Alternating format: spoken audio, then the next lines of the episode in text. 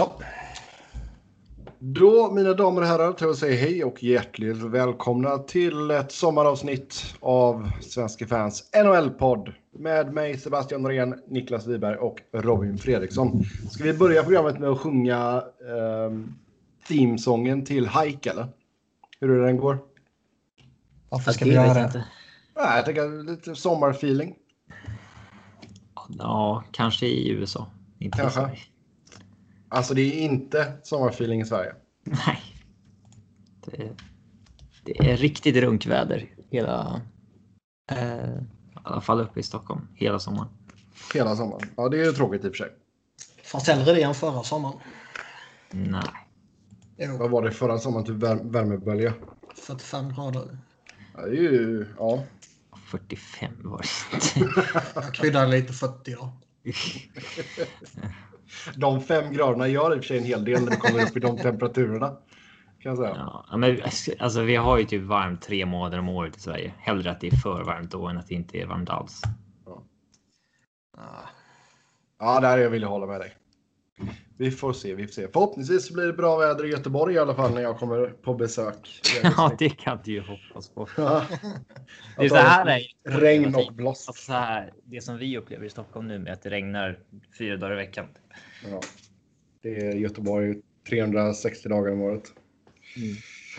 Yes, men vi tar och släpper vädret där och så går vi in på vad som har hänt i världens bästa hockeyliga. Det har skrivit en hel del kontrakt, vi har sett några trades och sen så ska vi självklart ta upp era lyssnarfrågor. Vi tar och börjar med eh, ja, bomben som slog ner från Alberta. Eh, Milan Lucic går till Calgary och i utbyte så skickar Flames James Neal till Edmonton. Och eh, Edmonton retainar ju 750 000 på Lucics kontrakt eh, och man skickar även med ett conditional tredjerumsval i draften. Och då är det ifall James Neal gör 21 mål och Lucic gör 10 färre mål än Neal.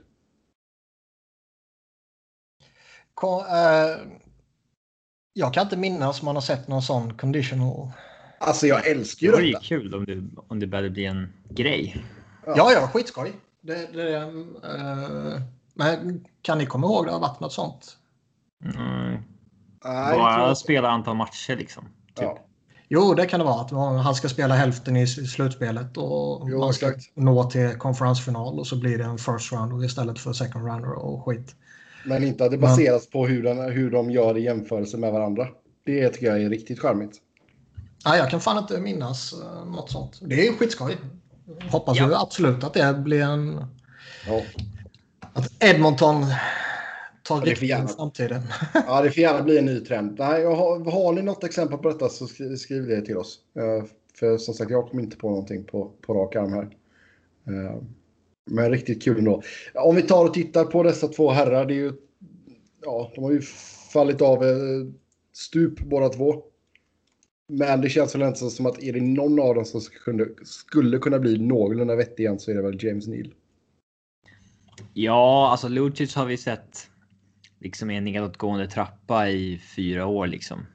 Från att säsongen i Kings inte var lika bra som hans prime i Boston till att ja, det har blivit sämre och sämre för varje år då i, eh, i Edmonton. Eh, Medan James Neal hade ju då en säsong här i fjol där det inte alls funkade för honom och han sköt typ 5% och eh, hans innan dess. Han, alltså han normal nivå är ju en bra bit över 10 liksom. Eh, så att eh, alltså ingen av de här kontrakten är något man skulle vilja ha. Nej. Men eh, Nej, men alltså det är som du säger. Det är, en, Neil. ja, det är ju en dålig, eller riktigt dålig säsong då för Neil. Det, alltså det finns nog i alla fall potential att få ut 20 mål av Neil. Liksom. Den, Ja, nu får du ju sätta honom bredvid McDavid. gått med. Ja, det är inte så att vi måste spela bredvid McDavid idag, men. Eh, sen är det ju också. Det är ju bekräftat här att Calgary tar ju med sig Lucic no movement klausul, vilket innebär att de måste skydda honom i expansionsdraften. Eh, om han inte wavar, eh, vilket han kanske vill. Vilket vissa skyddar som jag säger, men han kanske wavar. Men det ligger fortfarande beslutet i hans händer då. Jo, exakt. Det vill det ju inte. Nej, alltså jag... Alltså Calgary måste ju verkligen... Ja, jag vet inte. Hur tänker man från Flames sida här, Niklas? Man tänker väl att James Neal... Eh, alltså det har ju dokumenterats väldigt mycket om att han inte alls funkade med Peters. Eh, han kom in och trodde han skulle få en topp 6-roll, kanske till och med spela i, i, i första kedjan med, med Chuchak och Monahan och det liksom funkade inte. Ja. De fyra. Ja, nej, nej. Ja. Du på den Neil. Monahan och Joe Hockey kanske jag tänkte på. Skitsamma. Ja. Första kedjan i alla fall. Eh, vilket kanske inte är helt orimligt ändå med tanke på kontrakt och, och sådär han, han ändå fick och med, och med tanke på att det är en Även om han också har tappat av lite mot slutet och gått från eh, kanske kunna vara uppe mot 30 baljer till att kanske snarare vara strax över 20. Så är han ändå en... Han har ändå ett skott liksom.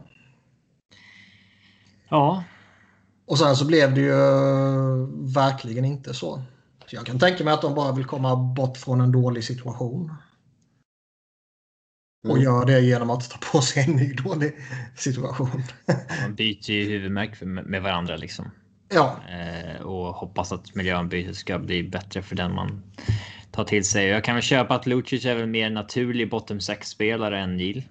Eh, men jag ser inte ja, riktigt någon uppsida här. Det är ju bara liksom... att han är väldigt dyr för att vara en bottom 6-spelare. Jag tror man kan få ut något vettigt av Milan Lucic fortfarande. Men det sagt kommer han ju förmodligen aldrig eh, leva upp till kontraktet igen. Med tanke Men... på längden på bägges kontrakt som är exakt lika lång och att de retainar här eh, så blir det ju så att Lucic kostar ju 5,25 nu och Neil ja. kostar ju 6,5 i princip. Mm. Det är ganska stor skillnad egentligen. Men jag tycker liksom ändå Milan Lucic, han, alltså han ska ju kunna vara en NHL-spelare. Mm. Sen kommer han vara en sjukt jävla dyr spelare, bra bit ner i hierarkin. Men han kommer ju ändå vara en... Tillgång är ju ett för starkt positivt ord. Men om man bara om man bortser från kontraktet och bara tittar på vad han gör så borde han ändå liksom kunna hävda sig i en roll långt ner. Jo, sen det, blir det väl en, verkligen. Det blir väl lite att han får en lite mer positiv feeling här nu att han får lämna Edmonton och allt sånt där också. Jo. Så han lär väl inte börja gnälla direkt i alla fall. Det var ju lite intressant också för det gick ju något rykte och jag vet inte hur legitimt det var riktigt var det kom ifrån. Jag bara såg det svepa förbi i flödet någonstans att, att det var en ännu större trade som kanske diskuterades också. Där Frolik skulle hamnat i Edmonton och Chris Russell skulle till Calgary. Och det skulle ju gjort traden ännu mer episk. Ja. De skulle slängt in en Chris Russell i en trade alltså. Men det, de får göra en separat på den istället. Ja. Men som sagt, jag vet inte hur legitimt det riktigt var. Jag bara såg det svepa förbi. Ja. Eh... Men jag, jag chansar ju hellre på James Neal än Milan Lucic alla dagar i veckan. Ja. Sen, ja, ja. sen, sen tycker jag ju liksom att man, man, kan ju även se givetvis en fallande trend för James Neal, precis som Robin var inne på för, för Milan Lucic. Men jag tycker väl ändå bara att det är ett riktigt dåligt år och det är det mot slutet här. Eh, det kanske är så att det är en snubbe som ändå har, eh, vad har han, nästan 800 matcher och som är över 30 och helt plötsligt så tar han bara slut, går in i väggen. Jo. Men det kan också vara lite som Robin var inne på, han sköt 5% eller vad det var liksom och i en situation som inte alls funkade. Shit happens ibland liksom. Och jag tycker väl inte nödvändigtvis att man desperat måste sätta in honom jämte Conor McDavid för jag tror väl också lite att hade han problem att hänga med i Calgarys topp 6? Vad kommer han det- då inte ha med Conor McDavid? Jo, det är sant. Både McDavid och Dreisaitl är ju speedy också. Ehm, Men däremot alltså... men jag menar, liksom, det är ändå sådär. Alltså, det är ju där han... Alltså, tittar du på Oilers forwardsuppsättning just nu. Så kan jag väl ändå känna att han kanske borde prova sitt topp 6 först. Ja, det är klart man ska testa sitt topp 6. Då, För det, är inte så att jag, liksom- det är inte så att jag känner att det är sex dundergivna namn som går före en James Neal, även fast James Neal har det här Nej. skitåret bakom sig. Nu vet inte jag om det har sagts någonting om att Dreisaitl ska spela, men jag skulle vilja sätta honom som, som winger till McDavid och sen försöka hitta något, mm, ja, något komplement till dem. Om det sen är Sätta Nugent Hopkins och... eller uh, Neil eller Sam Gagné eller Zach Kassian eller Jocke Nygård, whatever liksom. Eller Puljujärvi. Ja. Men jag, jag, jag ser det ju inte som en självklarhet att man bara slänger in James Neal jämte McDavid. Nej, alltså kör man McDavid och Dreisaitl så får du väl sätta Nugent Hopkins och Neal då i en andra kedja. Till en Ja. början. Typ. Och sen Va, försöka det ge fan ge inte mycket att leka med man ska göra den. Eh, alltså. Det- är inte de roligaste kedjorna att leka med kanske. Nej. Nej, nej, och det är det verkligen hobby- inte. Hobby plockar ihop det där alltså. Satan vilka usla. Vilket uselt djup de har. Ja, jag tycker du, du Men har det ju- känner man, får, får man ut mest av att spela McDavid och Dreisaitl tillsammans eller varsin kedja? För det känns ju som att Kritiken är väl att de, alltså de vill väl spela dem isär, men Dreisaitl levererar ju inte utan McDavid. Mm. Så den, Och det är så konstigt med tanke på vad de har i övrigt heller. Ja. Nej, alltså de två ihop har ju funkat oförskämt bra. Men som ni säger, alltså djupet bakom är ju nästan till obefintligt. Aha. Så det, ja, vi får se där vad, vad tippet hittar på helt enkelt. Det är bra av eh, Ken Holland att eh, han lyckas skaka bort Milan Lucic i alla fall utan att... Eh, alltså jag tycker ändå han löser det här på ett bra sätt. Ja, alltså det hade ju kunnat kosta dem mycket mer. Hade det. Ja, alltså visst en third rounder men det är liksom sk- skitsamma i sammanhanget liksom. Ehm, Ja, vad fan var statistiken på... nej, Jag har glömt av det, men det är ju väldigt lågt. nej, men det faller ju ner liksom. Men visst, det Ja. blir lite dyrare nu i hela det här köret, men jag, jag, jag tycker ändå det finns det finns lite större förhoppningar om att James Neal i alla fall ska göra lite mål än att Milan Lucic ska vakna till liv igen. Jo. I en lite större roll. Ja, det vill jag hålla med. Och skulle, Ja, vänta. liksom, skulle James Neal haft två år mer på kontraktet jämfört med Lucic, då skulle det varit en annan grej. Men nu är det ändå... Ja, samma. Jag tycker han löste det bra ändå. Det ska han fan ha cred för. Ja, alltså. Jag vet inte. Ja, Eller det- cred är kanske ett starkt ord, men... Uh, ta i tag i det i alla fall. Ja. Sen om det där var det bästa som man kunde få så ja, kanske. Louis, en potentiell Louis trade, hade det varit eh, hade det varit ett år kortare på kontraktet eller hade för den har ju diskuterats ett tag. Lucic mot Ja, Louis. just det. Louis har väl ett år... 22. han har tre år kvar. har tre år kvar. Ja. Då Vad hände med han nu förresten? Jag vet inte. Det, han har väl typ sålt huset och flyttat. Och, alltså. Det var ju snack om att familjen har flyttat tillbaka till Dallas i alla fall. Ja. Och, eh, jag, vet inte, jag hörde någon eh, på någon podd att det liksom. Att det kan bli liksom AHL. Oj. Om han, alltså, men det, det är för att han har betett sig liksom illa. Jo, jo. Och Jo men, jo, men samtidigt så har ju så, nu vet inte jag ifall det bara varit lip service, men jag menar Vancouver har så gått ut och sagt att... Vad är lip service för de svenska lyssnarna? Ja du, det var därför jag sa det på engelska. uh, Lip vad fan är service. lip service? Nej, men någonting man bara säger för sakens skull kanske är en bra... Han säger vad folk vill höra. Ja, exakt. Eh, liksom att ah, men det är inte så farligt det han sa och du vet sådär. Och vi, vi jobbar för en lösning. Antingen så blir han kvar och då är det inga problem eller så hittar vi ett, en eh, trade som liksom en så... Men det börjar, alltså och känslan kring det hela är att Louis typ inte vet jag, men alltså typ inte ens tänker dyka upp på training camp. Alltså det känns lite så. Att han skulle bråka sig bort på riktigt alltså? Ja, jag vet inte. Alltså han har väl, jag vet inte.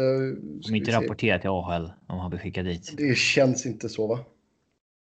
Det är ändå många pengar kvar på det kontraktet. Som han jo, det är klart att det är mycket pengar, men han har väl tjänat en ganska bra summa ändå va? Ja, men så funkar inte människor. Ska vi se vad han, nu ska jag försöka kolla lite snabbt vad han har dragit in här. 55. Men det är väl inkluderade de här åren? Jo, exakt. Men då har han dragit in... Skattar ju bara hälften också. Jo, 28, 29 drygt där. Jag kan säga det att lönen 37, i sjunkande. I år har han 5 mille och sen är det 4 och sen 4. Så det är inte, li, alltså det är inte 18 miljoner kvar på kontraktet. Nej, men han har ju alltså livstid så har han ändå dragit in typ 50 loppor liksom. Sen visst, mycket går bort i skatt. Mm. Men jag tror ändå så att han har så han klarar sig resten av livet liksom. ja, det är... Ja, fan.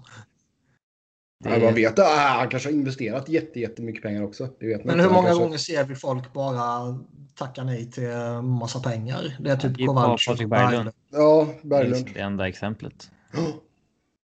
Kowalczyk fick, fick ju fortfarande betalt i Ryssland. Liksom. Ja, det var Men det var ändå ett monsterkontrakt han dumpade. Jo, jo.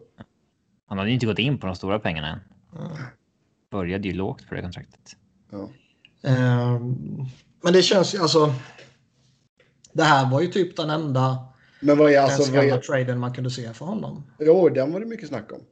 Men alltså vad har du här? Alltså sign-on bonusen för denna säsongen bör väl redan ha betalats ut va? Eller är det olika datum kanske? Nej, nej, den är alltid July 1st. Nej. Nej, jag, jag är inte Ibland kan det vara senare i juli också. Ja. Varför då? Ja. Oklart, men jag vet ja. att så i alla fall.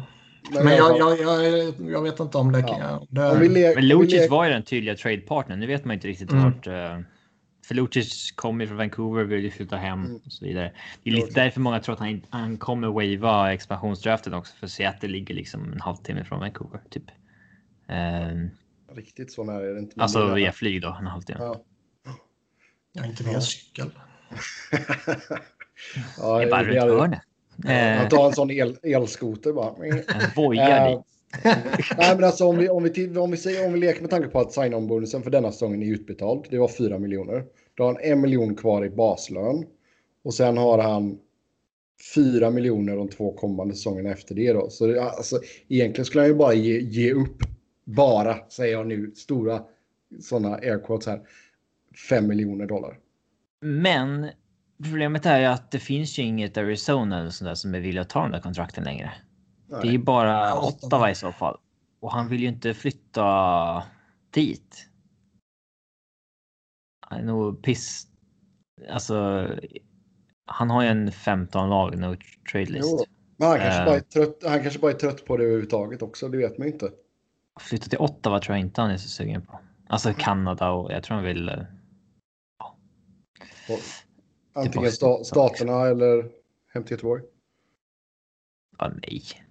Jo, kom till Frölunda. Skulle vara nya Fabian Brunström om han kom till Frölunda. Flopp. Nej, dun dundersuccé. Eh, men, men vad har vi alla, alla som har massa cap space? Är det liksom, Columbus har ingenting de kanske behöver dumpa. Colorado har kanske ingenting de behöver dumpa sådär. Alltså, det är ju, det, Ta alltså, de där tre åren, alltså det är jag, jag, tror inte, jag tror inte Columbus... Jag tror inte Kekkalainen har gett upp så jävla mycket helt på Wennberg så han skulle skicka Wennberg till... Nej, nej, nej. Vancouver. Nej, jag håller hellre Wennberg än ta in Eriksson. Och liksom. Visst, Dubinski skulle väl kunna vara ett alternativ, men det är ett år mindre på det kontraktet. Och... Mm. Jag behåller hellre Duinski i två år än att ta Eriksson. Ah, alltså det, det, är väl om de skulle kunna skicka honom till Columbus och verkligen alltså betala för det så att säga. Ja. De retainar ingenting nu, men de betalar ju Spooner och ja, Longo nu då, så att eh, de. Alltså, de skulle ju behöva bli av med hela, hela pengen så att säga för att den där, det där kontraktet går ju liksom över in på åren där eh, eh, Quinton Hughes och Elias Pettersson ska ha betalt. Ja, och de behöver ju faktiskt kanske Capspace redan nu. Alltså de har 5 miljoner. Ja, ja. Typ, Alltså de har nio forwards de betalar över 3 miljoner. Ja. Inte inkluderat Elias Pettersson och Brock Besser. Men säg att du... ehm, jag vet inte. Alltså det känns... Columbus känns ju som att man har gett upp på Sonny Milano. Skicka Milano då mot, mot Louis. Ja, ja kanske. Jag, vet inte. Så får du slänga in något draftval också.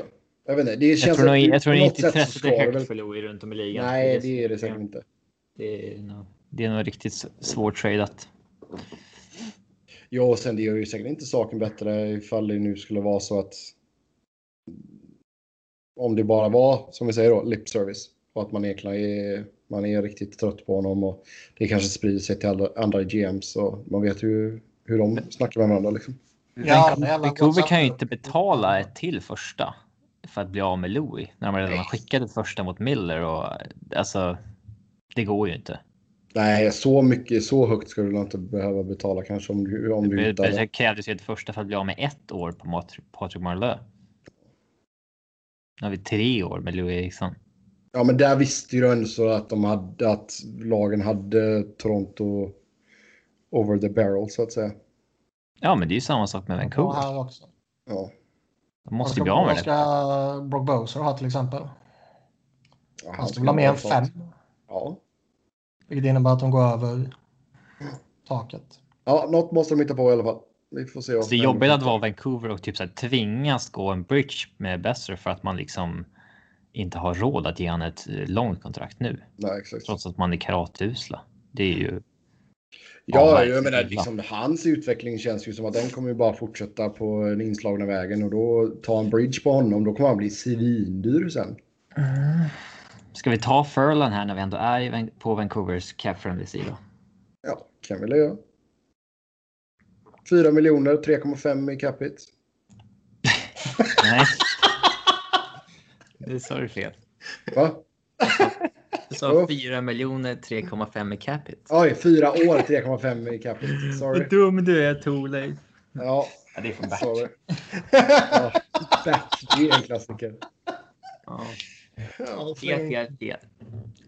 Det är, det är fan, där har man sommarminnen. Bert på sånt eh, talband. Ja, eller tv-serien. För oss som hade tv. Jo. Böckerna var ju, böckerna var ju bättre. Ja, de är fan bra. De är i USA och eh, sen eh, tågluffa Europa till exempel. Det är ju Det Det kommer, inte jag, det kommer inte jag ihåg. det är de sista två böckerna när han är liksom uppe i tonåren. Ja, okej, okej. Eh, ja, men i alla fall. Fyra år då. Och så 3,5 miljoner capita på Furland. Alltså jag tror att alla de här spelarna som väntade och inte signade första juli, de får ju inte bra kontrakt sen. Det. Så blir det ju alltid. Så jag förstår inte varför man inte gör det. Vi kommer komma in på Marcus Johansson sen liksom. Eh, men. Ska man vara helt nykter så hade väl ett rimligt kontrakt för Michael Furlan varit typ två år 3,5. Ja, Det är fortfarande dåligt tycker jag. Alltså det är ju en hygglig spelare som är god för 40 poäng och är duktig på det mesta. Eh, men det här kan också se det här vara ett kontrakt som man liksom, ja inte vet jag, köper ut om tre år eller liksom retainar och tradar om ett år. Typ Brian Spooner-aktigt. Eh, Jo, men problemet är ju som du säger att du har så jäkla många forwards som Ja. tjänar lite för mycket. Jag menar, J, du, har J, du har Jay Beagle kvar på 3 miljoner på tre år. kvar, det var ju signades nyss. Ja. det, ja, men alltså, Vancouver tycker jag är det sista laget som behöver en middle six forward som har ett lä- längre kontrakt än de borde ha. Mm. Nu är ju inte det här min åsikt, men eh, de går ju... Vad sa du? Vem åsikt är det? Vems? Vancouvers. Ja, okej. Mm. De går ju all in nu. Vad det verkar som och vad det pratas om och vad det sitter ut sådär. Där Benny På- går på att all ta in sig för till att ta kvar slutspel. jobbet. Benning går all in för att ha kvar jobbet och ägarna vill gå all in för att ta sig till slutspel.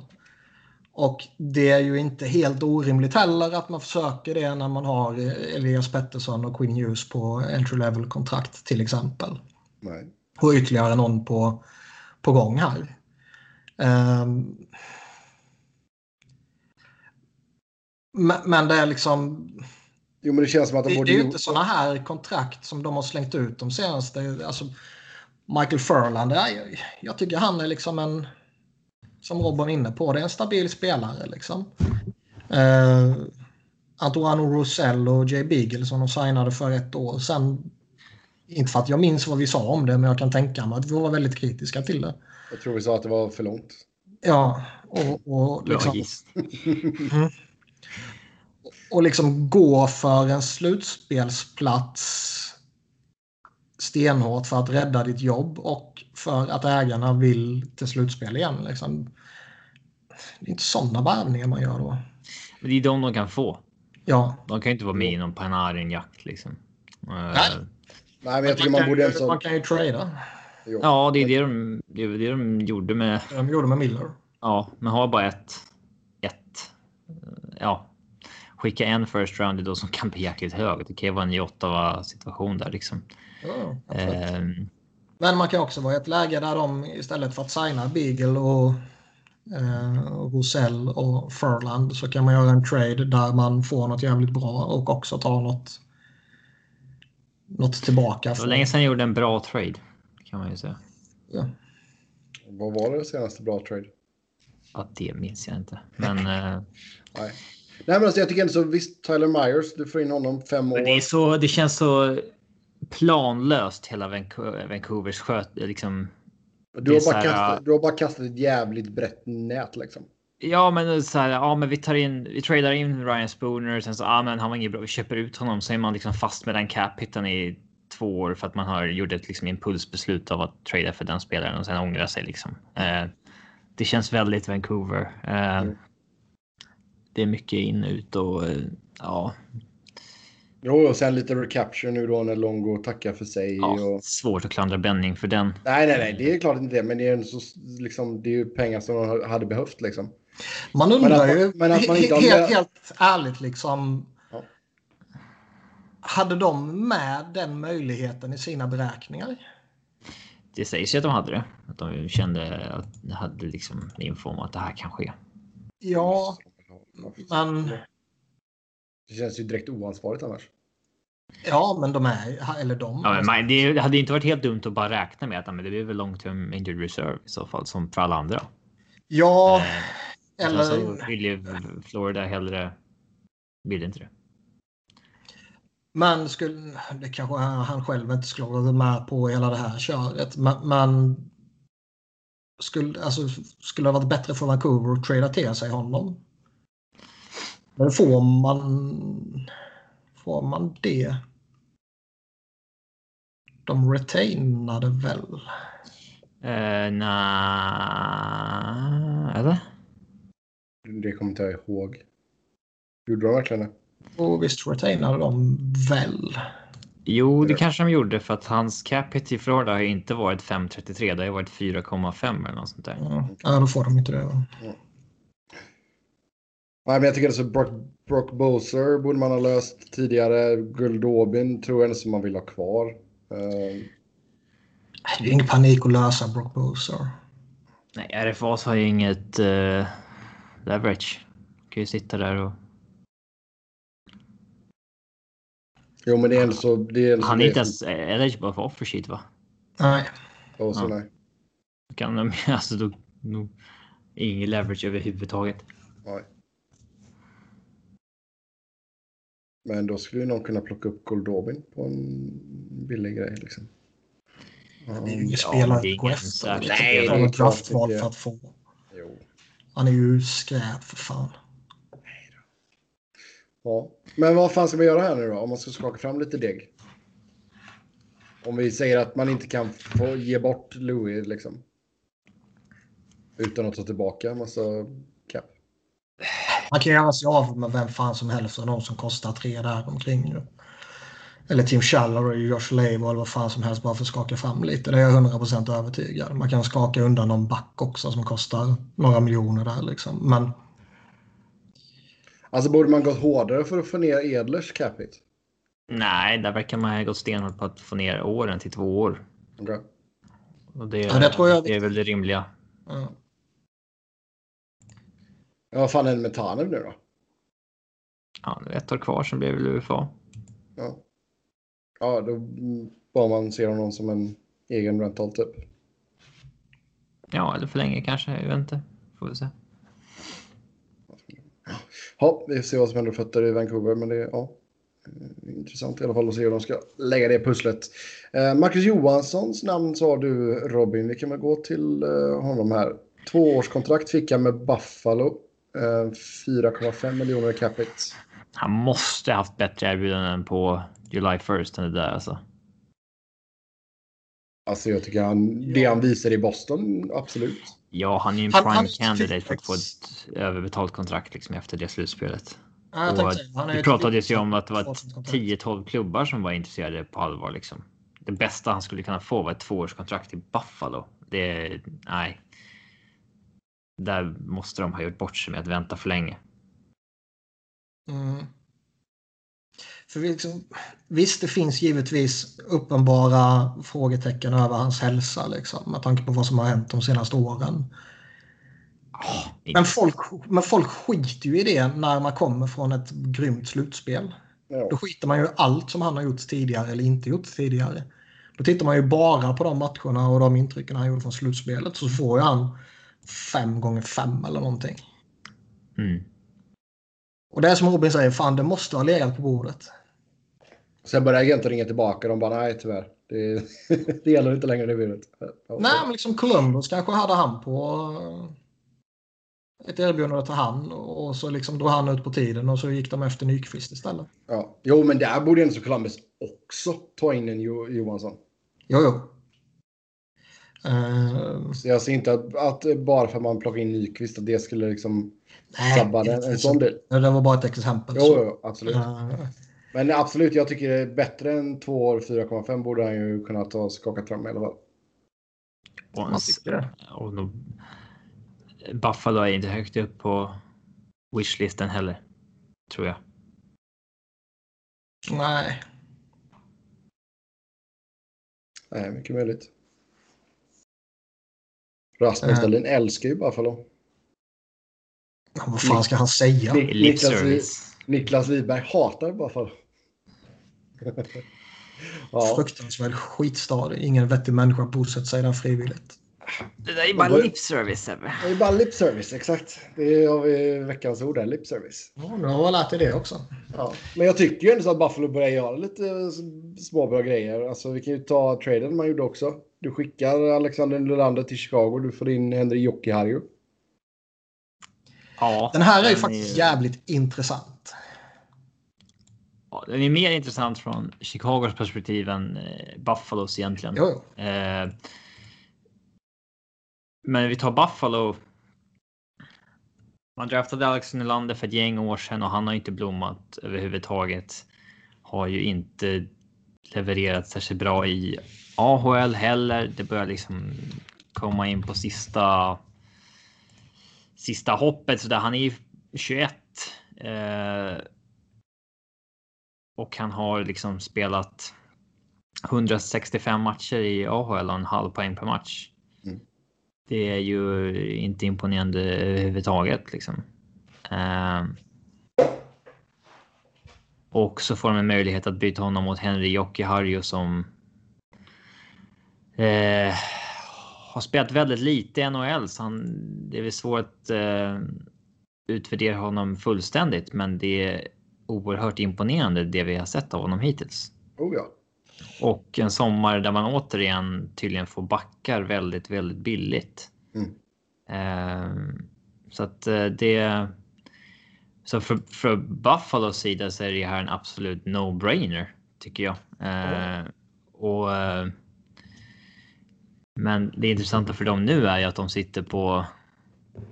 De har tradat till sig Jocke Harjo, Col, eh, Colin Miller, Brandon Montour senaste halvåret och sitter Alltså- då kvar med Zach Bogosian och framförallt Rasmus Ristolainen. Mm. Ska man vara hård här så kan det ju nästan vara så att Rasmus Ristolainen inte crackar deras topp 6 liksom.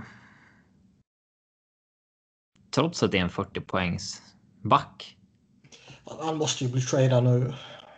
Ja, men de verkar Jag, ju jag vilja ha en. se eh, något annat. eh, de verkar vilja ha en ordentlig eh, return för honom. Det får man ju svälja att det inte blir helt enkelt. Marknaden för backarna den här sommaren är ju inte så. Och man har, ju, ju, har varit väldigt billig. man har ju utnyttjat det själv också genom att få in Miller och Jocke har ju jävligt billigt. Mm. Så att. Alltså jag tycker nu alltså om du tittar- på pappret där och tar in Jocke Harry. Jag tycker... ehm, vad heter han? Lawrence Pilut Ja. är väl med och slåss om en plats på, på allvar nu också liksom. svårt att ta en plats tror jag, men eh, nu är ju Jo, men alltså det är, en snus, det är en snuskigt bra backuppsättning på pappret nu. Ja, ja. Nej, det är var det inte. Det är en lovande backuppsättning. Ah, Okej. Lovande.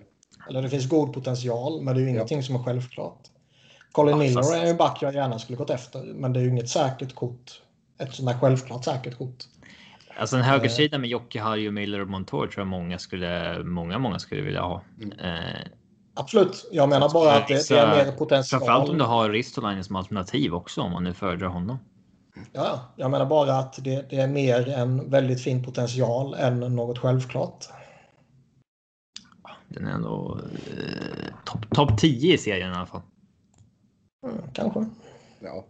Det intressanta med Nylander, det har ju rapporterats lite om att han har hanterats lite konstigt och han har ju... Eh, Men han valde ju själv att hitta det här kryphålet som gjorde att han kunde hamna i AHL direkt efter draften. Trots att han var 18 och kom från juniorligan. I och med att han liksom. Han ville spela juniorligan och sen gå in i AHL och då löste de ju som så att han signade för Rögle och lånade sig ut till juniorligan och sen kunde gå till AHL från Rögle. mm. Eh, så det verkar. Det är mer hans eget val än något annat. Ja. Jo, men även nere i AHL menar jag. Ja, men han har ju inte. Jag har inte sett han vet. spela, så jag har ingen aning. Jag bara går på vad man läser lite. Men det är ju ändå anmärkningsvärt att han inte har gjort större avtryck oavsett vilka förutsättningar han nu har fått. Jo. Eh, att Buffalo inte var höga på honom har ju varit uppenbart de senaste två åren typ. Eh, egentligen är man väl lite förvånad att det dröjde så här länge innan han tradades. Men han har väl ändå så en... Han har ju så en möjlighet att spela till sig en tröja här nu känns det väl som. Jag skulle, ja, ja, jag skulle absolut inte skriva av honom som någon bast eller något sånt där ännu. Han är bara 21 år och även om många spelare är i sin prime när de är 21 numera så är det ändå en ung spelare. Jo, jo Eh. men sen så tänker jag på tanken också att det är inte så att Blackhawks sitter på eh, 17 forwards direkt liksom. Nej, och jag menar de kommer nyligen från eh, ett liknande scenario där de hämtade in en, en spelare som har stått still och knappt fått det att funka och sen kom han till Chicago och blommade ut Mm. i Dylan Strome. Skillnaden är att Dylan Ja. Strong dominerade i AHL. Ja, Nylander har inte gjort det. nej, jag, bara, jag menar inte att de är exakta kopior av varandra, men det är en lite liknande situation att man tar in någon form av Ja, reclamation project kan man väl säga. Eh, så man tror väl att man kan göra det igen. Gissar jag. Det intressanta är ju varför de ger upp. eh, Jocke har ju ja. Harry, Som coach Q eh, ska ha varit väldigt hög på. eh, Vad man kan läsa sig till så här efter traden och, och öst massvis med beröm över honom och spelade honom en hel del. Sen kom Colleton in istället och så fick han lite mindre eh, ansvar och speltid och var nere AHL. Thomas Mittell är inte hög på honom tydligen. Verkar det som. Ehm, Men jag har inte. Det är väl många men alla, alla liksom. andra liksom är ju höga på honom. Och så man undrar ju liksom.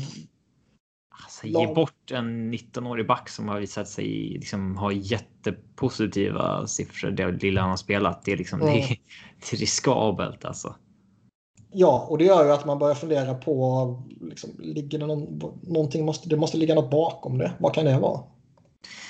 Det som har nämnts är väl att liksom balansera ut deras prospects pools lite grann. Men eh, liksom, jag tycker det är konstigt. Jag, jag, jag greppar liksom inte vad... Att, Buffalo gör det här, det, det är liksom en självklarhet. Att Chicago Ja, de måste ju hugga på bytet så att säga. Även fast de sitter på högerbackar i massor. Liksom. Ja, ja. Det, gör man och sen löser man eventuella senare problem. Ja. Men att Chicago gör det här och... Nu vet jag inte, nu har jag inte läst någonting om det, vem det var som tog initiativ till den här traden. Men det känns ju som att det borde ju ha varit Chicago. Ja. Och att de gör det... Jag, alltså, jag, jag, jag fattar inte. Nej, speciellt alltså. Sen verkar de ju velat göra om sin backbesättning lite denna sommaren. Tagit in Mäte och Dehan. Ja, de tog in det han och Matt och då kände man att oh, nu har de ju förstärkt lite så släpper de här ju. Lite har det jämnat ut sig lite igen. Mm. Eh, Men. eh, Ja, Ja, den är, den är lite konstig. det är väl bara Vad- Connor Murphy och Seabrook som är liksom renodlade höger. Renodlade högerbackar. Ja. Ja, du fattar det i alla fall.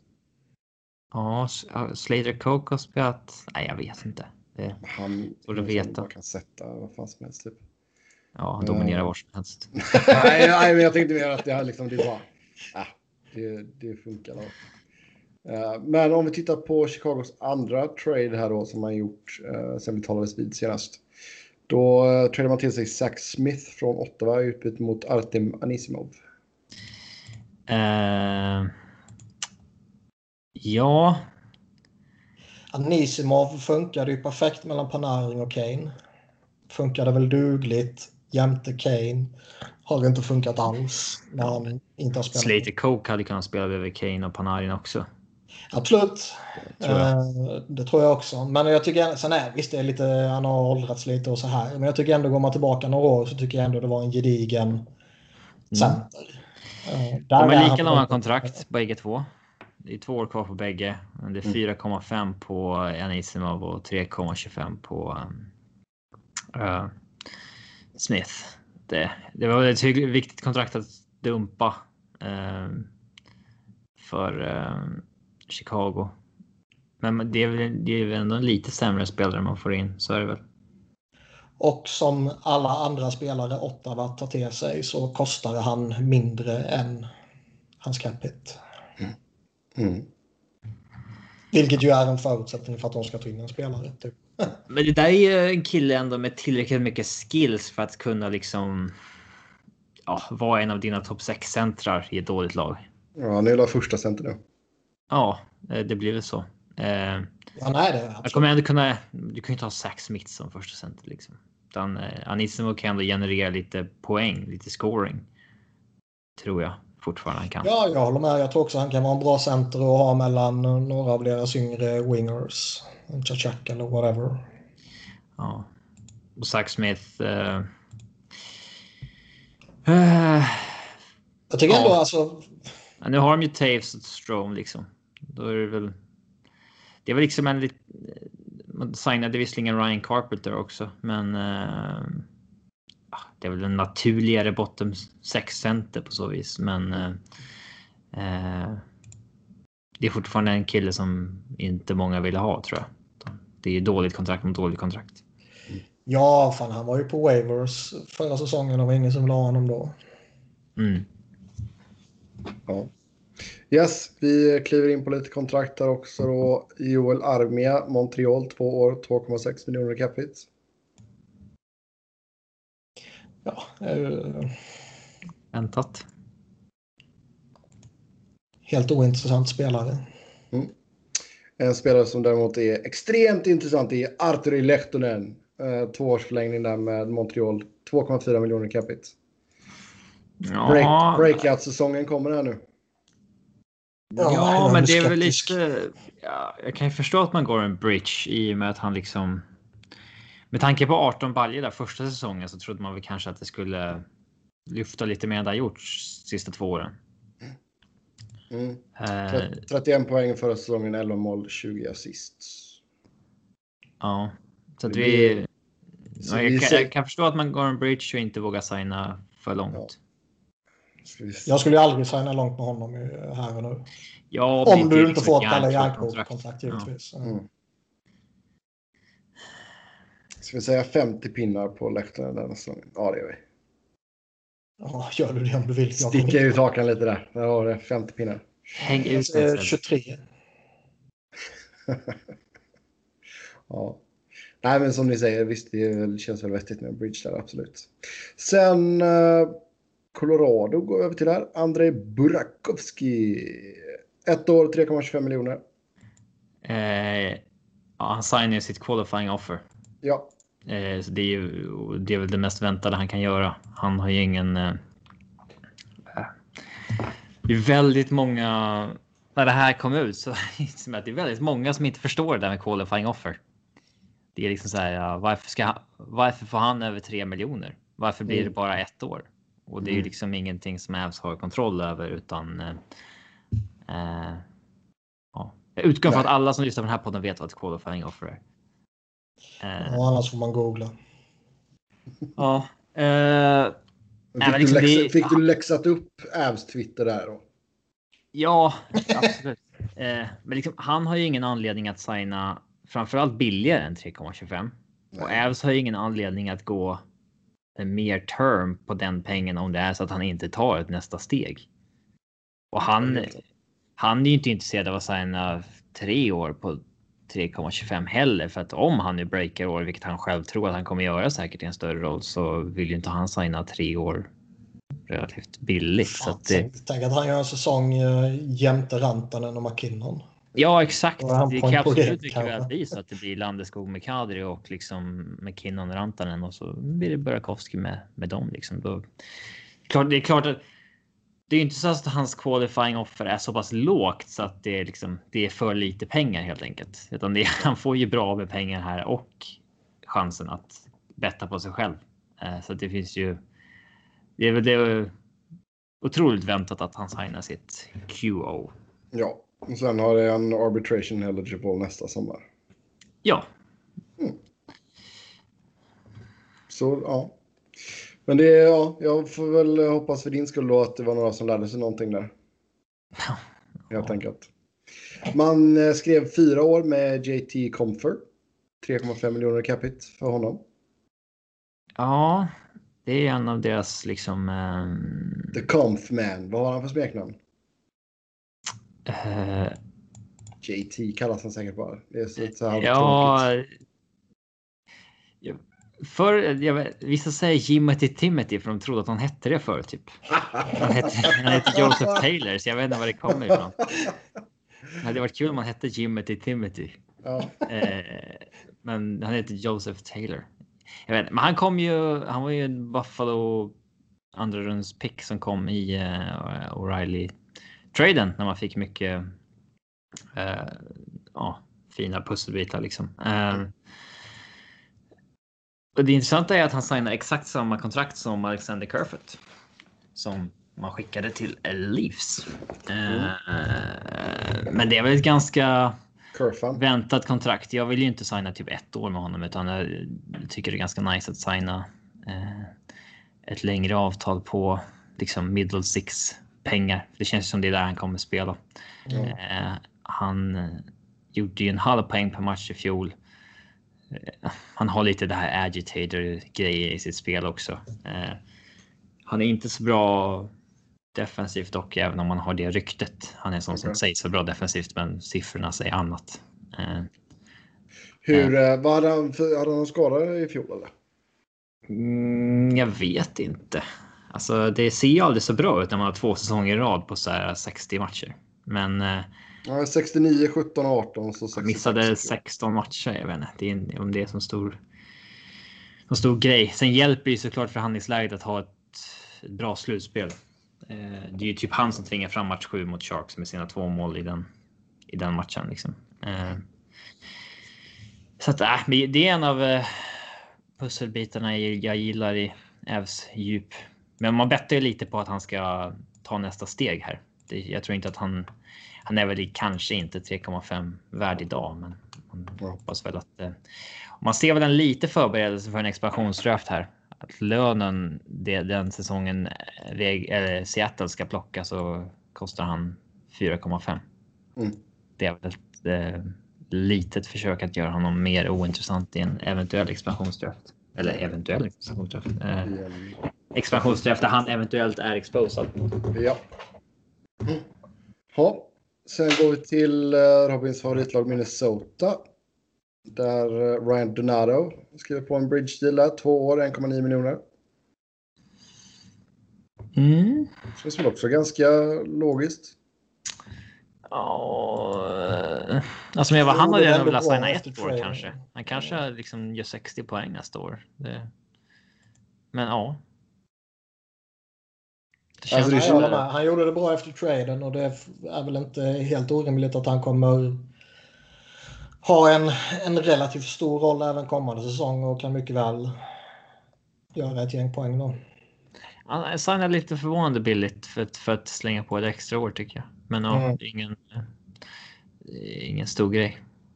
Nej, men det känns som att alltså, hypen när han kom in där var ju dunderstor såklart. Gjorde det jävligt bra de första... Ja men det, det, det, i alla fall här var han ju hypad. Det var han ju. I Cincinnati. Ja exakt. I Cincinnati så jag gick runt på stan alla bara Ryan Donato, Ryan Donato. Nej, men eh, över i USA så var den så hypen ganska stor kring honom. Eh, och sen dog det ut fullständigt här då förra säsongen. Uh, knack, knackig, knackigt spel i Boston. Men det är klart han var hypad. Han gjorde ju jätteavtryck när han kom in där mot slutet på förrförra säsongen. Uh, sen kraschade han rätt saftigt. Mm. Och fick Verkligen. lite upprättelse i, i Wild av alla jävla ställen. Mm. Så men visst, jag tycker väl också det är mer rimligt att signa ett, ett år här och se vad som händer. Mm. Ja, sen uh, San Jose, Kevin LeBanc. Ett år, en miljon. Alltså vad fan. Ja, det är ett av de konstigaste kontrakten i, i sommar. Där, där måste de ju ha en under the table deal att ja, nästa sommar då jävlar får du betalt. Ja, eller första januari när han får signa ett Ja. längre avtal. Eh, du minns ju att Kryger och Chicago hade en sån deal där han signade liksom ett år på typ 1,5 och sen så fick han tre år på 3,25 eller någonting eh, senare. Ja. Men det egentligen rörde sig om ett fyraårskontrakt på 2, någonting. Men man bestämde sig för att göra så för att få ner cap hiten år ett för att kunna liksom ja, satsa en gång till. Mm. Eh, och det måste ju röra sig om något liknande i det här fallet. Ja, Det måste ju göra. Jag menar han hade inte så För att kunna 56 få in poäng eh, fjol. Thornton och eh, Marlö. Nej, men det är ju det enda rimliga. Eh, det var ju folk som ville offersheeta honom liksom för flera miljoner mer än vad han fick. För att man eventuellt skulle kunna, ja, med tanke på deras cap crunch, få loss honom. Men nu För att har han går och du... signar en gång igen, det är ju... Alltså det är inget fel att gå på ett år egentligen för att satsa på sig själv här. I en Nej, större roll när Pavelski har typ lämnat och så vidare. Men det ska ju vara ett år till miljoner. fyra, fyra Ja. mille. Jo exakt. Jo, det är ju pengar. det här är ju-. NHLPA kan jag ju tänka mig är jävligt förbannade på honom. Småtjurig i alla fall. Ja. Ja, sen har han ju rätt att göra det liksom. Så han kan ju bara ge dem någon Jo, men det är ju alltid liksom att det, det blir ju alltid känsligt när en spelare tar ett sånt här kontrakt. Eh, för det är, det, det är ju liksom inte... Jag hittar inte orden, vad fan säger man? Det är ju inte marknadsmässigt. Nej, det är inte så. Det, det är liksom... eh, det finns ju en uppfattning inom, inom facket att man, liksom, man ska signa marknadsmässiga kontrakt. Visst, man kan ta en liten hometown discount, men det här är ju ingen hometown discount. Det här är ju patetiskt kontrakt ju. Alltså det är ju sjukt bra för Sharks liksom. Från, från deras eh, håll så är det ju kalasbra liksom. Du, men vad, alltså om vi, det surras ju mycket då, Thornton, Marlö. Alltså räcker det att du skakar bort typ Melker Karlssons två mille, då har du 6,6 ungefär. Räcker det? Ja, Marlö borde signa för typ 1,5 och Thornton för 3 plus bonusar kanske. Jag kan mycket väl tänka mig att de kan lösa det utan att skaka bort något. Mm. Att Marlö signar för något sånt som Robin sa, miljonen eller något sånt där. De pekar väl kanske på Jason Spetsa och liksom, titta vad han signade för. Du får göra något liknande hos oss här. Det är du som vill tillbaka till oss. Mm. Uh, Thornton ja, då kan, han kan väl se något liknande som Corey Perry också. Liksom.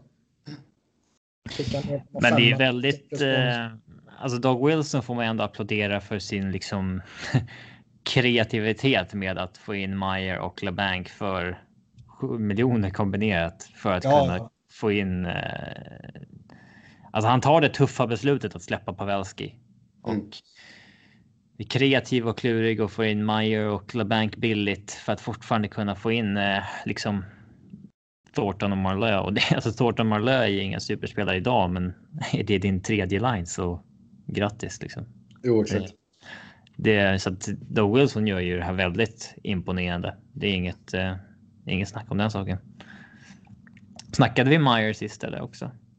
Där, ja. Man får ju med LeBanc får man ju anta att nedsidan är att han får ett en högre capita här kommande år.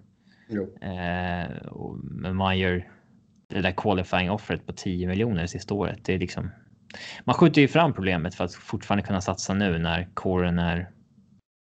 Ja, inte ung, men. Nej, nej, men det är fortfarande, fortfarande slagkraftig. Ja, exakt. Ja. ja. men det är helt, helt sant. Nej, så jag menar, du får in de två då säger vi. Vi, vi räknar väl med det. Och sen kan du lyfta upp någon underifrån på entry level så har du löst din forwardsida där liksom. Ja. Så det, det ska, ja, där ska de fan ha cred, Wilson. Vad har vi nästa här då? Danton Heinen, Boston. Tvåårsförlängning. 2,8 miljoner.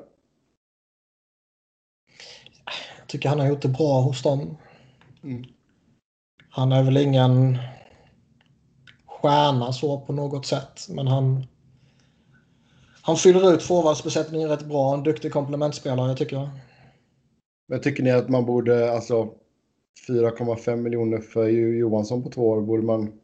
Eller tror ni att det hade varit kostat mer att behålla honom? Om ni hade varit Boston? Man tror att behålla honom. De har 8 miljoner kvar. De ska signa Shirley McAvoy och Brandon Carlo. Mm. Mojo var, jag tror aldrig han överhuvudtaget var aktuell. Nej. Om det inte är så att eh, David Backes eh, hastigt och lustigt blir allergisk mot sin hockeyutrustning. Ja. Vilket ju inte skulle förvåna ett skit. ja, nej, han sitter på 6 miljoner capita så det hade han väl gärna blivit av med. Nej, men jag menar försvinner de 6 miljonerna så helt plötsligt har de ju, får man ju anta, inga problem överhuvudtaget längre. Nej. Nej. Eh, McAvoy själv kommer väl käka upp en, en stor del av de där 8 miljonerna. ja, och sen har du vad fan har du sen? Sen har du Krug nästa sommar. Mm. Men Boston känns ju lite som att de, de tar ju ett år i taget. Så ja. Att se lite statusen på, på Chara och, och se statusen på Bergeron och Krejci och så här. Det var helt sant. Och Rask. Ja. Ja, där har du ju i och för sig. Du har två år kvar på Rask. Du har två år kvar på Krejci. Um, så visst. Mm. Ja, de bör ju vara slagkraftiga även i år. Ja. Sen över till LA, Alexia Fallow, tvåårsförlängning för honom, 2,4 miljoner capita. Ja. Känns ju extremt mellanmjölk, men det... Kings är ju vad de är just nu. De måste ha några jävla spelare. Han gjorde ändå en hygglig säsong. Ja, exakt. Så det kan eh, det räcker med det ungefär. Uh, Furland har vi pratat om. Jason Dickinson, Dallas, två år, 1,5 miljoner capita. Jag gillar vad han visade i slutspelet. Jag tyckte det var... Jag gillar Dicken alltså. uh, nej, men jag tyckte han visade bra... Vad ska man säga? Uh, man såg honom väldigt ofta. Mm. På ett bra sätt. Inte på Andrew McDonald-sättet. Nej. Nej, men absolut. Det är en gedigen spelare som jag sagt om några andra. Och sen var det inte, du hade liksom fem poäng på 13 matcher. Det är ju inte överjävligt på något sätt. Men jag tyckte ändå han, han gjorde en hel del. Uh, Ja, jag menar på det stora hela så är inte 1,5 några jättepengar för, för Stars, Nej, även om kan- ligger tajt mot capen liksom. Nej, och kan han fortsätta vara något sånt där som han, han var under slutspelet så då har de ju fått ut något bra här. Mm. Ja, de ligger förvånansvärt tajt mot taket, det gör han ju. Det är väl inte så förvånansvärt egentligen. De har två jättekontrakt. Ja, sen tog Sen inte ett... så ett, ett gäng sådana här, vad ska man säga, strax under jättekontrakten. Mm, tre, tre år, sju mille för Pölski. 35 år gammal nu. Fast det har vi som jag sagt tidigare, det är jag inte så jätteorolig över. Det är bara att vara lugnt. Sen blir man ju av med Martin Hansal, blir long term injury reserve antar jag, eh, någon gång här under säsongen. Ja, Det är bara ett år kvar på hans kontrakt nu, 4,75. Det är, ja, hur många matcher har han gjort? Nu är det 38, 38 matcher gjorde han i fjol. Mm. 10 poäng. nej. Förra Nej, säsongen. För, för. Nej, det var förra, förra säsongen blev det sju matcher. Ja, Två poäng. Ja, herregud. Ja, det är synd ändå faktiskt på ett sätt. För jag tycker ändå så han är, eller han har visat att han ändå så har någonting i sig när han har varit frisk. Men men. Så en gång i tiden var han ju på NHLs, en av de bästa kontrakten i NHL. Han var på liksom 3,1 miljoner i Arizona. Nej, det är helt rätt. Yes, till Philly åker vi. Scott Lawson, 2 år, 2,3 miljoner. Jag tycker väl det är eh, i högsta laget liksom. Jag skulle väl personligen föredragit någonting två eller strax under. Samtidigt så är det många som säger att eh, eh, LA förstörde det här genom att signa Alex E. Farlow till, till kontraktet de signade. Att det är någon jävla jämförelse. Jag vet inte vad jag tycker om det. Men det är en åsikt som cirkulerar liksom. Man kan väl jämföra med alltså, många, många spelare. Det går ju alltid att hitta Absolut. något överbetalt exempel. Och, Absolut, men jag, jag kan absolut se ett scenario där de sitter och förhandlar och sen signar han det och så säger de att eh, vi har ju gjort samma siffror, jag ska ha något liknande och så får han det. Mm. Eh, likt Jag- det jag som gillar man tror Larsson. hände med Donskoj vid Ävsta vid... Eh, vad sa du? lite likt det man misstänker hände med Donskoj när hans kontrakt plötsligt fick ett år och gick upp i capita på Ja. July 1 där. Ja. Mm. Men jag gillar Lawthorn. Han är en bra fjärdecenter som kan eh, vid behov hoppa, eller winger också för den delen, som vid behov kan, kan hoppa upp lite i, i tredje kedjan och så här. Och, ja. Jag gillar honom men några hundratusen för mycket är det väl. Om det sen blir ett enskilt är det väl inget problem men som vi brukar säga så har man några sådana som är lite för Sverige. dyra så kommer man upp i en stor summa så småningom. Mm. Flyers har ju varit ett av lagen genom åren som har varit lite expert på att betala 500 000 för mycket till många spelare så helt plötsligt är man Så blir det 4 någon miljoner short liksom. Mm. Någon gång. Ja. Yes, sen har vi två stycken kontrakt i Carolina. Först så signar man Ryan Zingle på ett eh, tvåårskontrakt, 3,4 drygt i capita. Och sen Brooke McGinn, två år, 2,1 miljoner i capita. Var det fem gånger fem han hade från åtta va? 5,5 på antingen 5 eller 6 år Så enligt. Friedman. Mm. Men eh, det är väl inte en jävel som frivilligt spelar i åttorna numera? Alltså för de pengarna så är man går ju alltså. Det, det är ändå någonting han måste ångra att han gav upp tror jag. Att han Jo, förmodligen är det väl så. Förmodligen så trodde han väl och räknade väl med att han skulle få något liknande någon annanstans. Och sen fick Det här är ingen kille som har tjänat mycket pengar.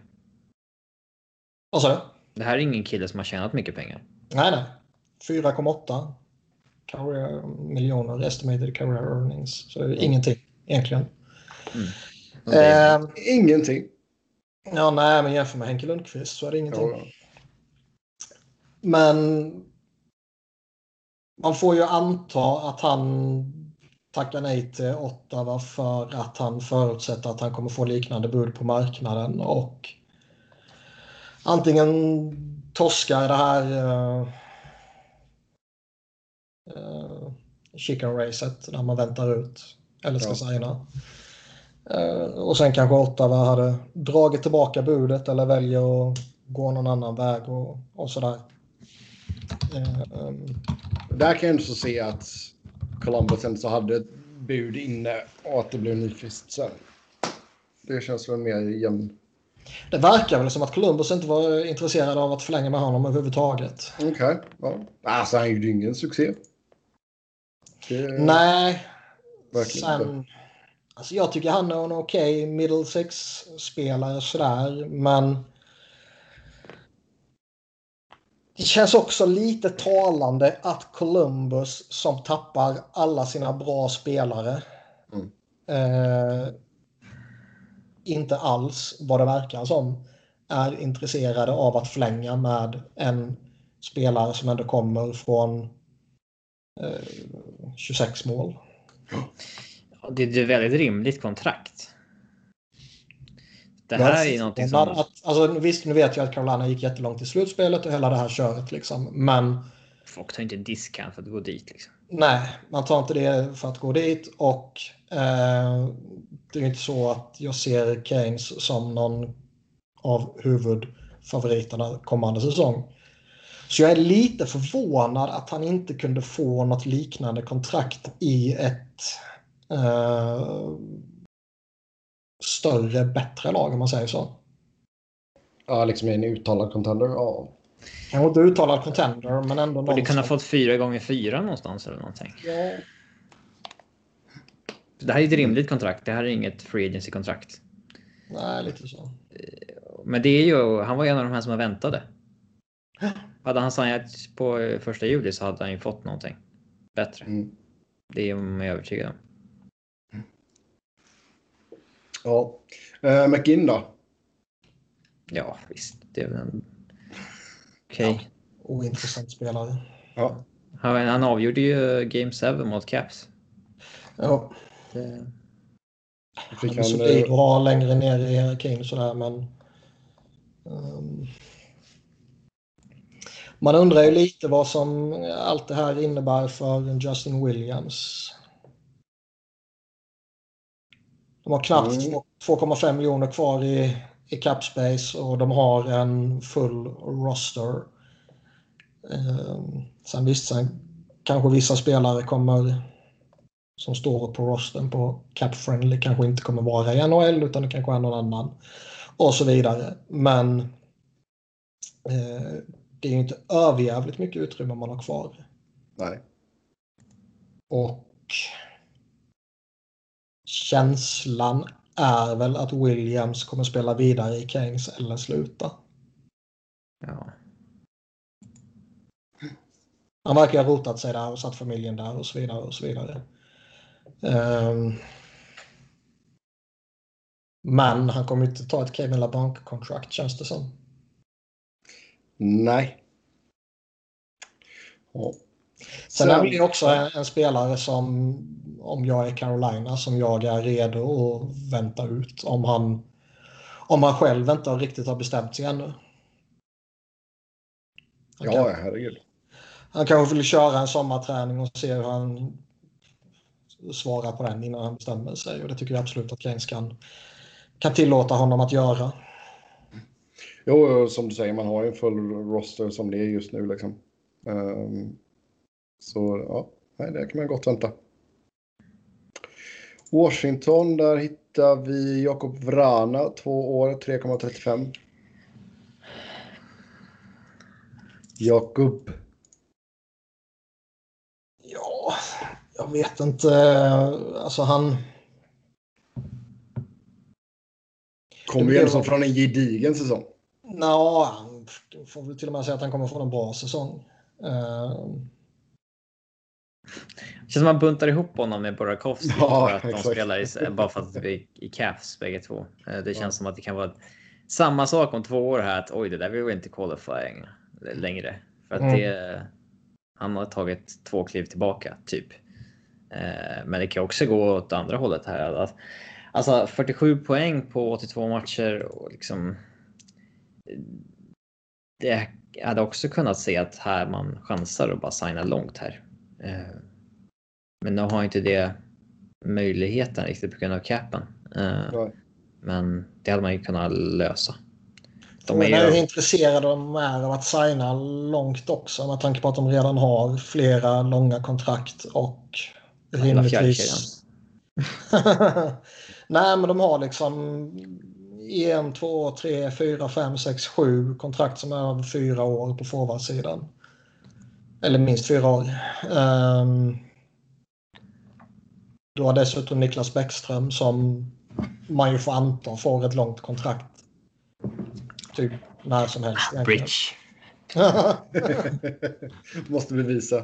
Måste bevisa någonting. Ja. Bridge för äldre spelare, den har inte riktigt slagit än. Att, eh, fan, du får bevisa att du håller fortfarande över 30. Mm. Och då får man det längre kontraktet om två år. Ja. Och vad fan händer med Ovechkin om, om ett år? Liksom? Ja, det är Ja, helt sant. Nej, så det känns väl ganska givet här. Men vi får la se om man kan fortsätta på den inslagna vägen. 24 baljor blev det i alla fall förra säsongen. Det är ju bra pinkat. Mm. Säger ändå. Eh, sen St. Louis, våra regerande Stanley Cup-mästare. Jordan Binnington, två år, 4,4 miljoner i cap hit. Känns väl eh, helt okej ändå va? Känns tråkigt rimligt. Mm. Man hade ju sett fram emot ett, eh, ett långt och dyrt kontrakt och att han sen skulle krascha fullkomligt. Ja. Inte för att jag önskar han några pengar. Han verkar vara en väldigt hemsk människa.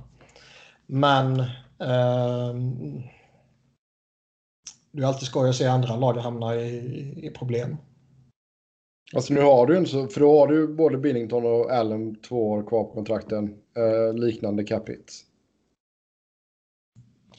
Ja, nej, och det här är väl bästa möjliga lösning för, för Blues. Mm. Ett eller två år på en, på en liksom fair peng. ja, som går ut när Ellen ska ut också va? Mm. Ja, Tyvärr. och skulle han vara en one-hit wonder så då tar man ju det med tanke på att man fick en kupp liksom. Ja, kontraktet går ju ut snart. Ja. Så det var tråkigt. Man har ju sett fram emot något. Eh, antingen en Martin förhandling Jones som- kontrakt. Ja, en förhandling som drog ut på hela sommaren och sen tio minuter innan training camp började så fick han eh, ett sånt kontrakt. Och, eh, äh, det här var tråkigt. Alltså Blue, jag menar, det är inte så att Blues har jättemycket att fundera över. Ja, Braden Chen i och för sig har ett år kvar och Peter Angelo har ett år kvar. Patrick Maroon. Ja, där verkar man ju släppa honom. Ja. Utan att ersätta riktigt. Bara... Bye bye.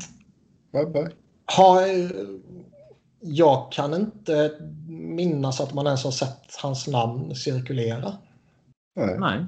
Men Han fick vinna kuppen här nu och så var det bra. Men liksom med tanke på hur mycket jävla snack det är under slutspelet och efter Om finalen. att ingen ville ha, nu ångrar sig alla, bla bla bla. Ja, det var heavy hockey is back och hela den här skiten. Och det var han som var en av hjältarna liksom. Och sen är det inte en människa som vill ha honom. Eller så vill alla ha honom, men han sitter och väntar på det stora kontraktet. Fem gånger fem. Ja. Uh, men är alltså- för bra för att gå på en jävla PTO någonstans. Liksom. Han är för bra för att ta ett PTO någonstans. Han borde ju ha, få ett jobb tycker jag. Ja, han kommer få ett. Det känns alltid som att det är väldigt många bra spelare som bara ibland bara försvinner liksom. Mm. För att de haft en säsong eller något där det går svagt. Men typ Benoit Pouliot, kommer du ihåg honom som signade för fyra mille i Edmonton och gjorde liksom så här äh, över en halv poäng på match. Så går det en säsong där han bara gör 20 poäng så köps han ut och så ser man honom aldrig igen. Liksom. Hej då. Mm. Hej då. Ja. Nej, men alltså man, vad har man kvar att lösa här nu med sin RFAs? Det är Barbachev, Sundqvist och eh, eh, Edmundsen. Ja, och det är inget eh, samtalsämne. Nej, nej, men jag säger liksom... Du löser det och så är truppen klar liksom. Det... Ja. Fast det är ändå, de har 7 miljoner nu och alltså de tre petar du in på 7 miljoner. Men du petar väl inte in Maroon också? Ett år, två miljoner borde de ju kunna få in honom på. Liksom, vad... Ja. Men som sagt, det, han fick göra sin grej här nu och fick vinna. Det kanske räcker så. Gör en Michael Rusione. Lägger av. Bara. Ja. Inget kan toppa det här. Nej. Ja, det är lite coolt. Ja, eh, det stora kontraktet som har delats ut eh, hittar vi i New York. Där Jacob Truba signar sju år med Rangers till en cap hit på 8 miljoner. Oj! Ingen Alltså, discount visst- i alla fall. Nej, nej, det är det verkligen inte. Men alltså, vi snackar ändå som en kille som är 25 bast. Så jag menar, det, ur den synpunkten, visst, det kanske var i, lite i överkant. Liksom. De, sju hade väl kanske smakat bättre för många Rangers-fans, men vad fan. Det han har ju inte exploderat poängmässigt. Och, eh, alltså det är ingen etta, tycker jag inte, den backen. Det får han ju vara här nu i alla fall. Han är ju den femte bäst betalda backen i ligan. Tillsammans med John Carlson och Brent Burns på 8 miljoner. Ekman Larsson, Subban, Dowdy och Carlson är ju före honom. Och han är ju inte den femte bästa backen. Om man däremot tittar på lite comparables med, med kontraktet så var det... Eh, vilka fan var det? Det var Alex Pietrangelo, Aaron Ekblad typ. Eh, vilket kanske är en är en rimlig jämförelse. Liksom. Mm. 8 miljoner idag är ju... Jag får väl ta det i och med att de fick honom Ja. som billigt i traden. Eh, Men det är imponerande hur mycket pengar han har fått ut i sin karriär igen, trots att han inte har levererat så mycket än. Nej, han tjänar ju på att han kommer från en bra säsong. Mm. Men han har ju liksom ja, 5,5 i fjol och eh, visserligen en bridge inom det och så vidare. Men eh, 50 poäng i fjol, men innan dess så var det ju inga. Ja, det brukar ju vara scoring som genererar de höga cap hitsen. Jo. Mm. Jo, men alltså detta får ju vara, alltså de 50 pinnarna får ju vara hans nya liksom standard. Eller Ja, men minimum. då ska han nog höja sin nivå i övriga spelet också för att jag tycker Ja. att det ska vara värt det. Men det känns väl dundergivet att han är, kommer vara etta i Rangers liksom. Ja, ja, herrejävlar. Ja. Så... eh, Liksom, han, är, en- han är en bra spelare. Det, det, jag skulle gärna ha honom i mitt lag. Liksom. Rimligt tycker jag kanske hade varit 6,5 eller någonting. Fast vad, vad, alltså, det, det, man får ju sätta det i relation till, till procenten av capen och allt sånt där också. Ja. Det var fan Jag tycker- 6,5 vet jag. 6,5 hade ju varit... Det, det känns väl som att det hade varit i underkant liksom. Nja, spelade för 5,5 i fjol. Eh, alltså han är 25 bast och han får ju sina sju år också. Så att, eh, det. Jag, ty- jag tycker 8 är för mycket om man tittar på i relation till, till andra capits runt om i ligan. Och det är liksom typ Ivan Provorov säger så vi har 8 miljoner också. Men han är liksom inte ligans femte bästa back heller. Mm. Men det, det man ska komma ihåg när man jämför med andra capits i ligan är att alla andra har inte signat den här sommaren. Nej, Vissa exakt. har ju Nej. signat för tre år sedan. ja, Man kan inte jämföra med Seth Jones 5,4 liksom. nej. Nej, det är helt, helt sant. Nej, det är det jag menar. Därför om man går in på Ja. Ja, vi eh, kan väl ta och titta lite på namnen som fortfarande finns kvar på marknaden. Det, alltså det stora är väl nästan Jake Gardner. Att han inte har signat någonstans, det är jättekonstigt tycker jag. Vad fan är hans lönekrav liksom? Jag vet inte. Är det Tru- Truba-pengar eller? Så det enda... Har det kommit nej, ut något? Nej, han, nej, han kan inte kräva åtta. Det, det, var, det, det är fan galet ju. Känns som att det hänger på term eller någonting. Det enda rimliga jag kan se är ju att eh, han kommer ju från eh, lite skador och skit. Och det enda man kan se är ju att det på något sätt oroar. Det är den där rimliga till att han inte är signad. Den egentliga förklaringen tror jag snarare är att GMs är dumma i huvudet. Det tror jag med. Eller det är jag rätt så övertygad om.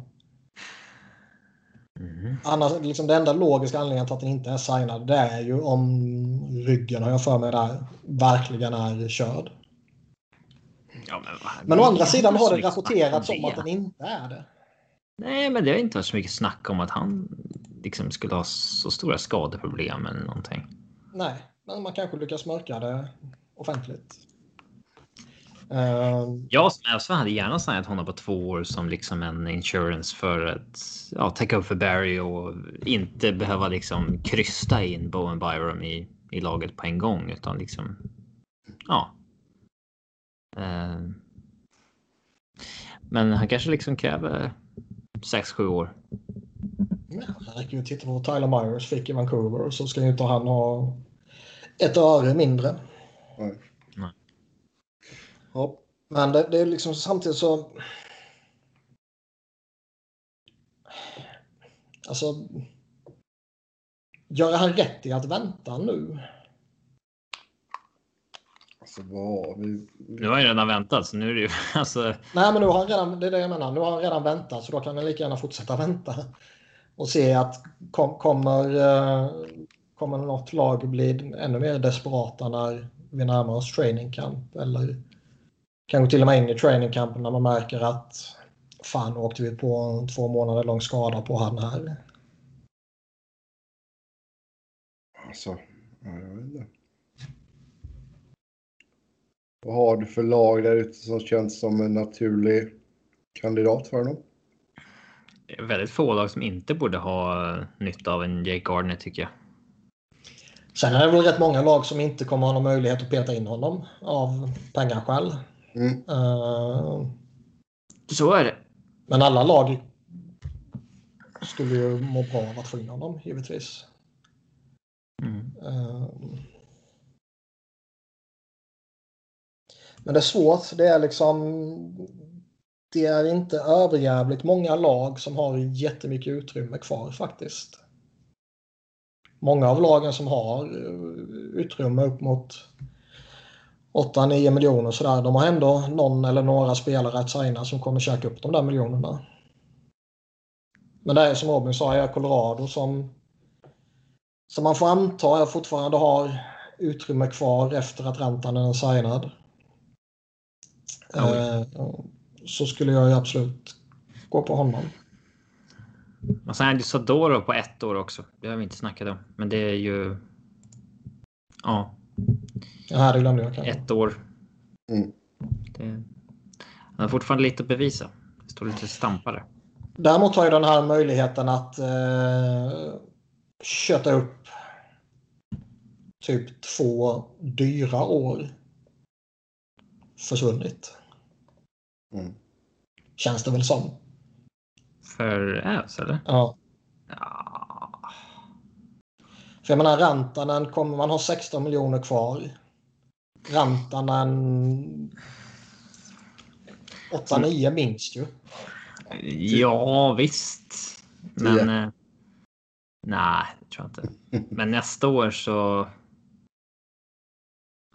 Alltså det, det försvinner en del pengar från capen. Det är ingen riktigt.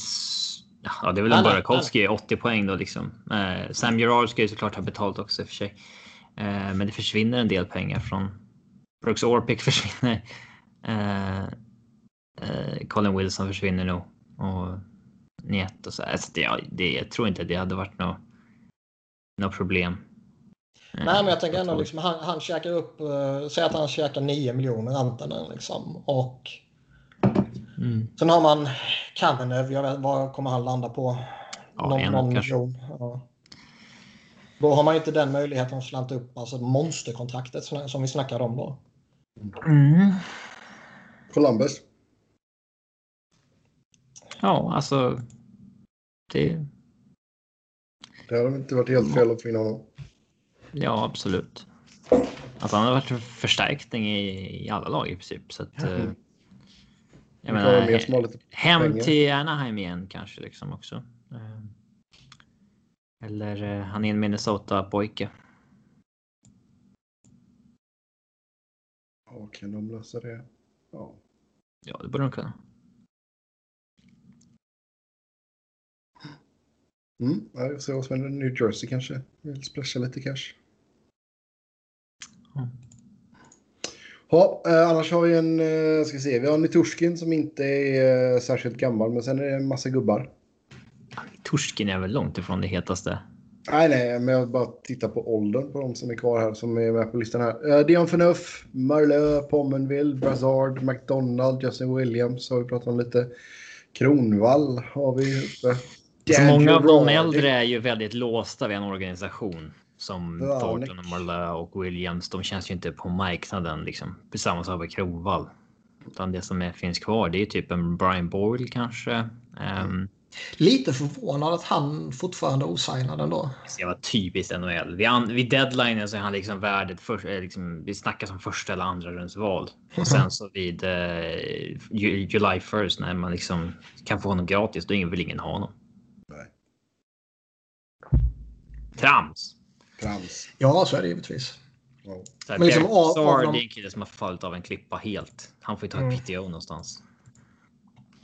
Men av de kvarvarande UFAs J.K. Gardner exkluderat. Är det någon, och Brian Boyle också, är det någon som man absolut vill ha? Jag förvånar mig att Ben Hutton inte har ett kontrakt någonstans. För det känns ju som en så här solid back som bara är 26 år. Eh, som det rapporterades fanns en hel del intresse för. Eh, det förvånar mig också att Pontus Åberg inte signade någonstans. Liksom, han gjorde ändå 25 poäng på 59 matcher. Även om han flyttade runt en del. Ja. Men det, är 25 De har år. ju, de har ju, GMs har ju snackat skit om honom i sin WhatsApp-grupp. Ja. Oskar Lindberg och Riley Sheehan är väl två spelare som kanske också är lite förvånade att de är eh, lediga. Men någon måste ju vara ledig liksom. Det, så blir det, Mm. det Ja, ändå, lite, lite roligare namn när vi snackar RFA-listan här i alla fall. Eh, De som fortfarande inte har signat. Sam Bennett, Zach Wierenski, Kyle Connor, Patrik Laine, Matthew Kachuk, McAvoy, har vi redan pratat om. Provorov vill ha en massa pengar. Rantanen har vi pratat om också. Sen Travis Connectney, Mitch Marner, Kevin Fiala och Braden Point. Det intressanta, det har kommit lite nytt med, med Marner där det sägs att Shanahan nu har blandat sig i förhandlingarna. tagit en mer aktiv roll i förhandlingarna. Ja. Mm. Eh, det, eh, det är intressant. Och det tolkar man ju som att han är missnöjd med Dubas. De kör lite good cop, bad cop. Ja, strategi kan det också bara vara från organisationen. Och liksom det, eh, ja, Nej, det är sant. Det är, ja, det är någon mycket, annan. alltså med de här RFAs, det är ju egentligen bara vänta och se med många. De har Ja. inget leverage och ligger liksom... Eh, jag menar, det snackas idag om att eh, Rantanens KHL-rättigheter tradades ju. Ja, Eh, och eh, lag som tradar till sig honom ska vara redo att ge honom ett år på 4 miljoner liksom.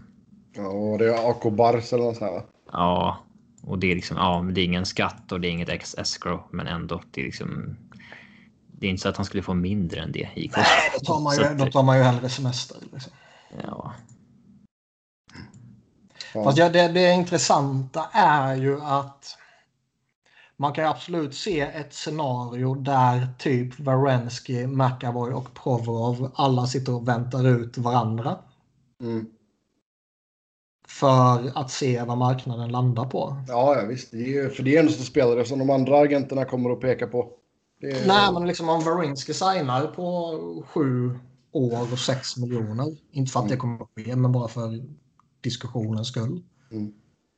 Så kommer ju McAvoy, eller så kommer ju Boston och Philadelphia peka på att McAvoy och, och Provorov ska ha det också. Eller däromkring i alla fall. Ja. Och signa Provorov på 8 miljoner som det sägs att han vill ha. Då kommer ju Varensky och McAvoys agenter peta på hela det. 10 11. Ja. Ja, Ehm, ja, det är helt, helt sant. man kan ju Intressant också att det blev Line typ den sommaren. Ja, det är ju för att han är en sån konstig jävla eh, spelare. Ja. Han är skitbra på en sak, den viktigaste saken, och medioker på så mycket annat. Eh, Avs hade honom etta i sin draft ranking det året. Mm. Före Matthews.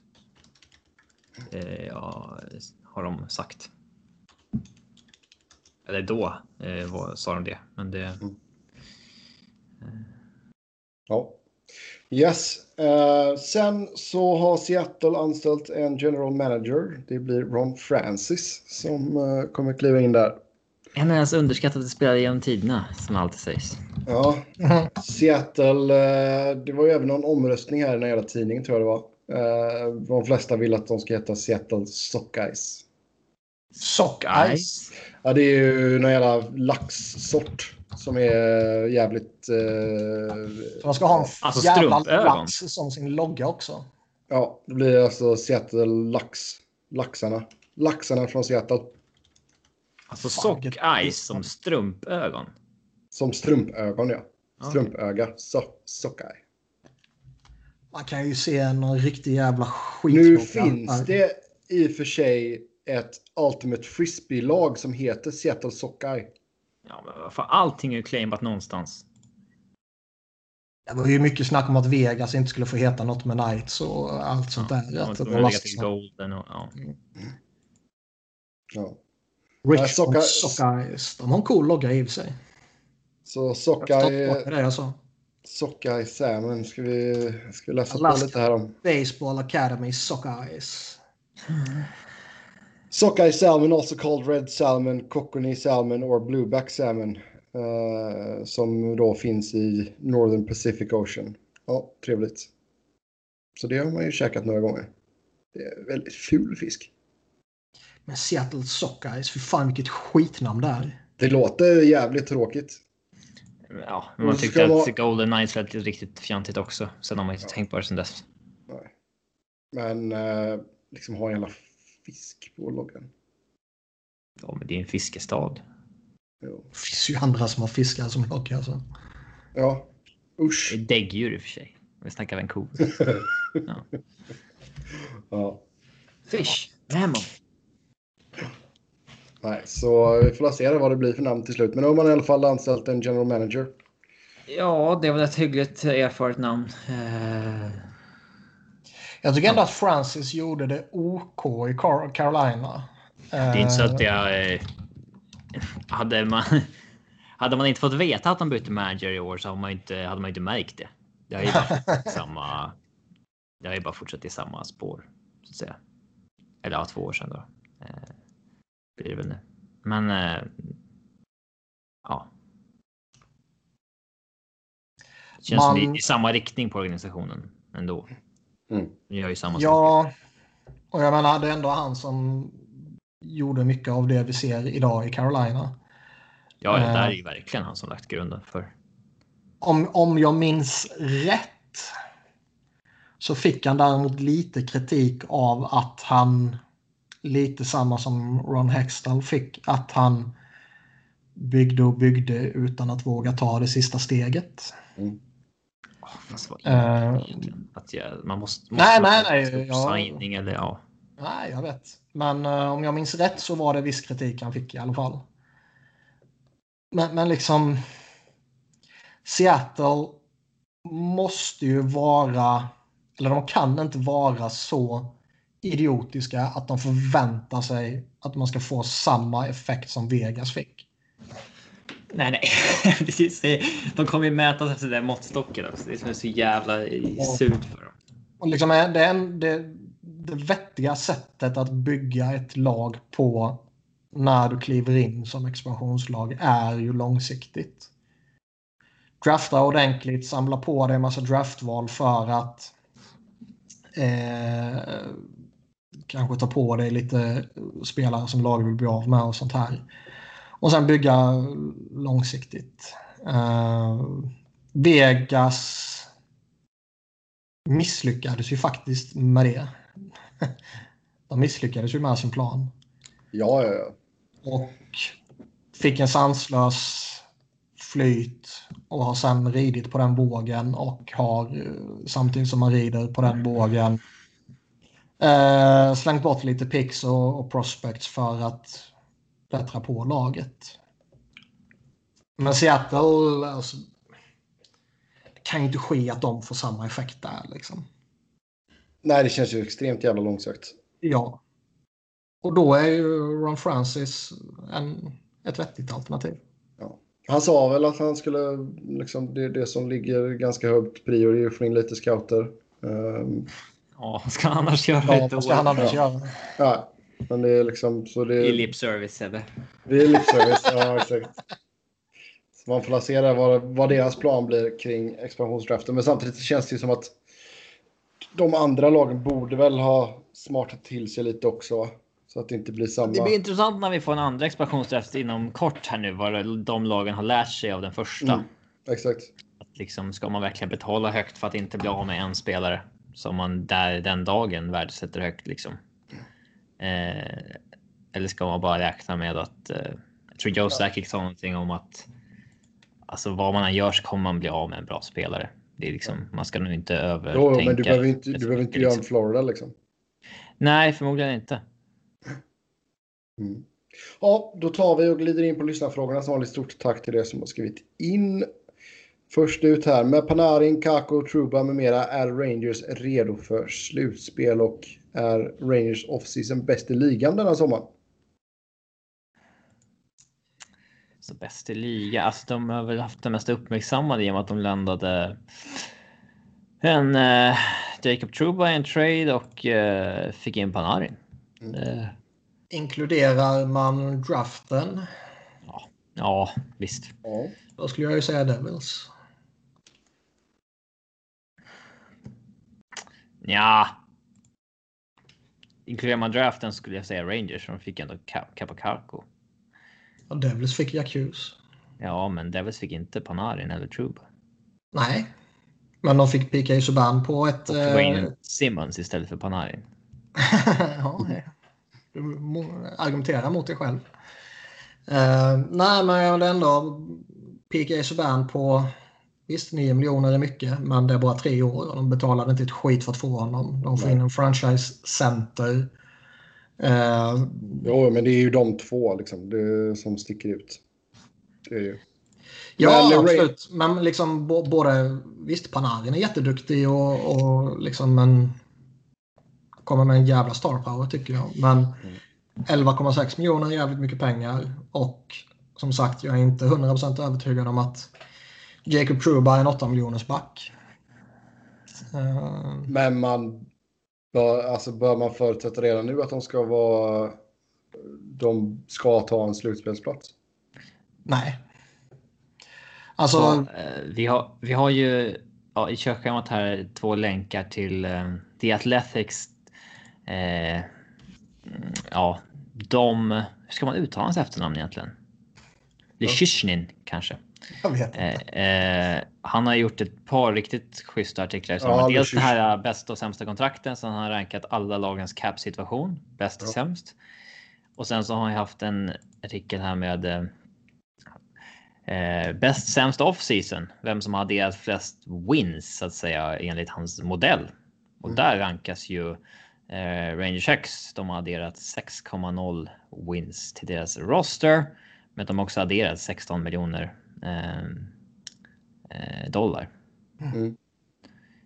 Tvåa Sen har på den listan är ju Florida, Florida. Panthers för att de har adderat Sergej Bobrovski framförallt. Mm. Eh, som rankas högt. Tre är Vancouver Canucks som har adderat eh, Miller, Furlan. Eh, och gjort sig av med en del dåliga spelare. Men det är också, det kommer med ett pris. Man har ju adderat mycket pengar till eh, capen. Ja. Chicago hamnar också högt i den här rankingen med Lener, Dehan, Mäte, eh, Shaw. Eh, Men jag ser dem att... Alltså, de- de- Rangers har givetvis gjort det jättebra. Eh, De är i en jättebra sits. Eh, Men jag ser dem absolut inte som ett självklart slutspelslag.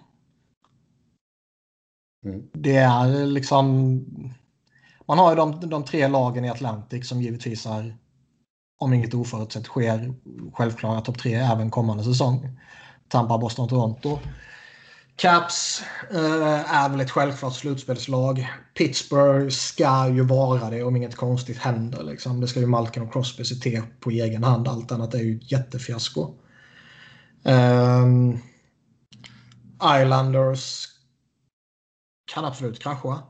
Columbus kommer förmodligen krascha. Carolina kan jag tänka mig ligger kvar där. Montreal kan jag tänka mig ligger kvar där som bubble team. Florida borde rimligtvis vara relativt mycket bättre. Philadelphia borde vara ett bubble team och Rangers borde vara ett bubble team. Mm. Uh, Buffalo Devils kan mycket väl vara ett bubble team. Så ja. Det är mycket konkurrens liksom. Mm. Så, och, och de har fortfarande en målvakt som är jävligt skakig. Mm. Vi fick in en till fråga här angående Rangers också. Hur kommer Rangers kappsituation vara de närmaste åren? Och uh, är Truba verkligen överbetald? Alltså det är Truba har vi snackat om. Han är pyttelite överbetald kanske. Ja, alltså. Det, det handlar ju om vad man förutser att han ska vara kommande sju åren. Jo. Men eh, ja, kappsituationen, alltså det är ju det är ju inte så att de sitter på jättemånga långa kontrakt. Det är fortfarande ett lag som har Ryan Strome som sin andra center, typ. Det är fortfarande ett lag som har en och en halv bra back bara. Två om man är snäll. Beroende på hur man ser på Brady Sky.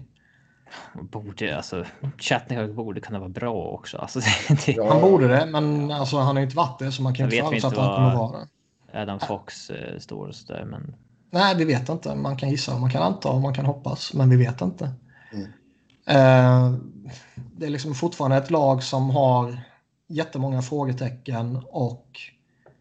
Känns som att de överskattas lite, kanske deras slagkraftighet i år. Jag tror de överskattas lite för att de har fått Panarin och, och Truba. Jag tror på sikt kommer de vara jättebra för de har eh, en bra prospect pool och, och bra spelare på gång. Liksom. Men jag är långt ifrån övertygad om att det kommer vara en omedelbar succé. Mm. Men visst, alltså målvakter är helt jävla omöjliga att förutsätta. Henke Lundqvist kan absolut studsa tillbaka och, och vara en toppmålvakt igen. Jag tror det inte. Och, och det vore jävligt tråkigt om det sker. Men det kan ju ske. Ja. ja.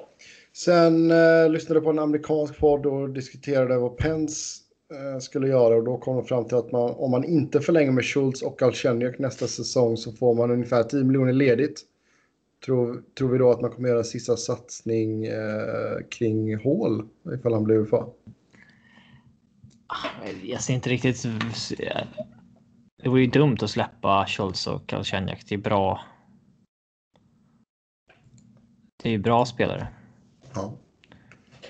Väger, väger allting, all, allting handlar väl om vad de vill ha. Förlänga med Galchenyak ser jag ju äh, inte som något problem. Liksom. Han är 25 nu och... Äh, Problemet är att de som har utgående kontrakt är bra spelare i Pittsburgh. Ja, de som har långa kontrakt, det är de dåliga. Mm. Samtidigt så är Justin Schultz, han kommer att vara 30 bast. Vad vill han ha för något kontrakt? Liksom. Ja. Den, eh, den är jobbig. Det... Släppa, släppa Galchenyak bara sådär, det, det tycker jag är dåligt. Då får man ju trada honom igen. Men bara att släppa honom, det är ju dåligt asset management. Jo. För det är ju en klart kompetent och duktig spelare. Ja, ja. Sen är han ju ingen Phil Kessel, men... Nej. Mm. Och det är fortfarande, hela den där jävla traden har vi gått igenom och det är ju fortfarande mm. konstigt. Men Galchenyak är ju en, en nyttig spelare. Så liksom, vem vet, säg att han gör en säsong jämte Crosby eller Malkin och helt plötsligt ligger på 70 poäng. Ja. Jo, men alltså Schultz det är alltså en... Det är den här jobbiga situationen som vi har pratat om många gånger förut. Back som går upp på 30 år och antagligen vill ha rejält med pengar liksom. Mm. Så ja, får se. Men eh, visst, det är klart att alla lag skulle vilja ha en Taylor Hall liksom. Men det känns väl som att det blir att han stannar i Devils. Alltså, alltså um, Man får absolut under inga som helst omständigheter låta honom gå gratis. Går han gratis så ska du få sparken. Ja, eh, sen vi kör två frågor till här, sen tackar vi för oss här. Bör man vara orolig som Flyers-fan att kontrakten med Provorov och Connectney inte är klara? Samt vad är rimliga kontrakt? Det verkar ju som att de är långt ifrån varandra när det gäller Provorov. Och att det kanske Ja, är... fan om han vill ha åtta. Ja, och att det kanske är något som kan dra ut på tiden. Eh, jag tror att båda parterna, både Provorov och, Flyers, är intresserade av att se vad som, som vi sa tidigare, vad som händer med eh, eh, McAvoy och, och Wierenski. Mm. Så att det drar ut på tiden. Det, det, alltså Chuck Fletcher har ju själv sagt att det förmodligen kommer göra det. Och, alltså, Ska man sitta och svettas över det då? Ja, jag vet inte. Jag ser det som rätt, väldigt osannolikt att han kommer att bli offersheetad. Liksom, så jag är ju inte rädd för det. Connectney verkar man väl vara mer, uh, vad heter det? Att det kan ske snart så att säga. Mm. Det var någon som har gjort någon comparable till Jakob Vrana. Han signade två år 3,35 och många har ju förväntat sig att att Connectney landar där någonstans om man väljer bridge deal. Men jag, jag är inte särskilt oroad över honom. Det som oroar är ju liksom om Varinsky och eller McAvoy signar för de där siffrorna. eh, Eller ännu större. Alltså jag kan ju säkert se att någon av dem landar på sju eller vad. Det ska de göra. Ja. Man säger att man på något konstigt sätt Varinsky får liksom nio. Ja, exakt. Han, han vet att Columbus har inte råd att tappa mer spelare. Nej, men lite så. Och Ja. vem vet vad som händer. Ehm, jag är ju snarare mer orolig över var marknaden ska landa Mm. än att han inte är signad. För jag är helt övertygad om att Provorov i första hand inte kommer signa innan marknaden har satt sig så att säga. Och marknaden då syftar jag på de två andra. Ja, sen eh, vad rimliga kontrakt till dessa två då? Men ska man signa Connecting på en bridge deal så är väl något Vrana-liknande rätt fair. Ja, Provorov, är, och jag tror det kommer bli bridge på Connecting. Det borde, eh, han borde väl vara intresserad av det också kan jag tycka. Eh, Provorov...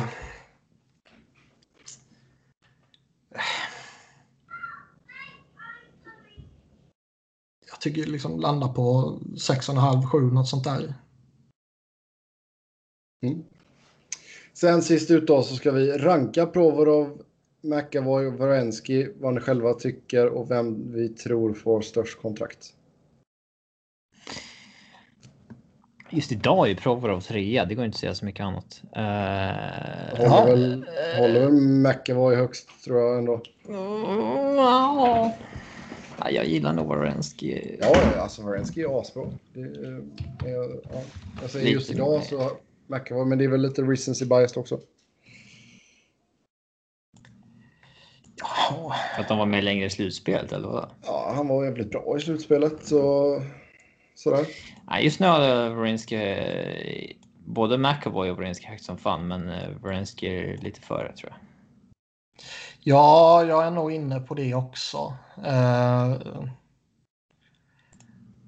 Han har ju haft en lite mera Men jag tror eh, alltså, gedigen produktion och ja, han producerar lite bättre. Han, eh, han är tillgänglig mest hela tiden. McAvoy har haft lite skador och sånt där. Eh, det påverkar ändå. Han gör inte sina, eller han gör inte samma, de, inte riktigt gjort en full säsong heller. Alltså, det- men det känns som att Varensky är den som han tror jag kommer få det bästa kontraktet av de tre. borde få det. Han har ju Borde bäst få det. case för det. Ja. Eh, Ja, han har bäst case för det på andra alla sätt och jag tror det kan ligga lite det som Sebbe sa att de har tappat varenda jävla spelare. Det kommer han att försöka utnyttja. Mm. Um, McAvoy är ju som jag sagt tidigare, jag är helt övertygad om att han i framtiden kommer vara den här spelaren som kommer belönas med en Norris Trophy för lång och trogen tjänst. För att han har varit väldigt bra i väldigt många år men inte haft en säsong där han har varit bäst. Mm. Och så bestämmer sig media för att nu är det hans tur att vinna. ja. 20, 20, 2026. men typ. vi, kollar, vi kollar det nu liksom. Ja. Vi, vi, får följa upp det när vi poddar 2026. Ja, exakt. Nej, men det, ja, nej, Wierenski får störst kontrakt. Det är vi nog överens om. Med det så tar vi och säger tack och hej för den här gången. Det ska väl dock tilläggas ja. att ja. Varinski är väl den enda som spelar första powerplay. Ja. ja. Men då, det leder ju också till mer pengar. Jo, jo. Det går ju inte uh... att säga att jag får inte spela powerplay så ge mig mer pengar. Nej, nej, nej. nej. Men jag menar det, det påverkar ändå produktion. Ja, absolut. Ja, då tar vi och säger tack och hej för den här gången. Håll ut där hemma i sommarregnet då, får vi väl säga. Mm. Uh, tills nästa gång så kan ni köra hockey med oss via Twitter. Mig heter ni på attsebnoren, Niklas på att Niklas Wiberg, Niklas med C och Wiberg med enkel V. Och Robin på R Fredriksson. Ha det gött så länge så hörs vi. Hej!